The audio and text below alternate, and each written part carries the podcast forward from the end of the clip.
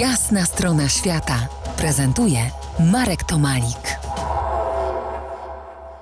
Dziś podróże tropem mojej najnowszej książki Dziewięć ognisk. W sensie geograficznym pozostaniemy w australijskim interiorze, ale sensu stricte to bardziej podróż do wnętrza samych siebie, choć na tym etapie jeszcze mocno wydaje mi się nieuświadomiona. Powrócę do mojego spotkania z aborygeńską artystką Lynette. Spotkanie to miało miejsce właśnie przy ognisku w suchym korycie rzeki Toda. Rozmawialiśmy o malarstwie aborygeńskim, o sztuce rdzennych Australijczyków.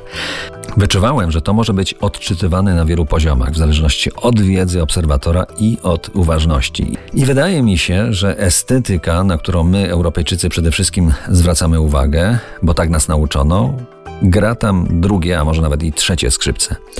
Symbole, których używają aborygeni, to jest linie faliste, współśrodkowe okręgi, ich symetryczna powtarzalność przywodzi mi na myśl fizykę, fale elektromagnetyczne, które, choć ich nie widzimy, są wśród nas.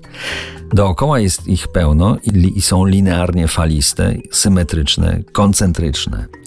Ten obraz można potraktować jak zapis wykładu z fizyki kwantowej, miejsce mocy, pole, Pole drga i niesie falę w przestrzeni. To drganie powoduje powstawanie cząstek materii, które w horyzoncie czasu dostają od Stwórcy życie, nazwijmy go organiczne, pełnię życia w coraz większej świadomości. W mojej książce wysnuwam przypuszczenie, że linie astralne przodków totemicznych to nic innego jak linie pola elektromagnetycznego. Wtajemniczeni mogli umiejętnie, czyli po odpowiednim kursie przeszkoleniu, podłączyć się do pola i nauczyć się go oswoić, nauczyć się czytać niewidzialne mapy, niewidzialne dla nas poziomice fal pola. Zatem taki obraz aborygeński mógł być też mapą, ale dla wtajemniczonych, taką jak zdjęcie lotnicze.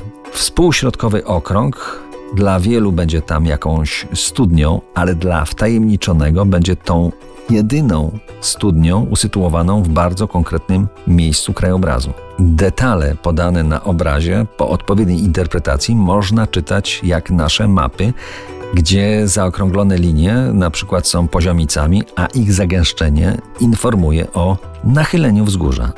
Na aborygeńskich obrazach nie idzie to tak łatwo, ale też trzeba się tego nauczyć. Bardziej sercem ale też i rozumem.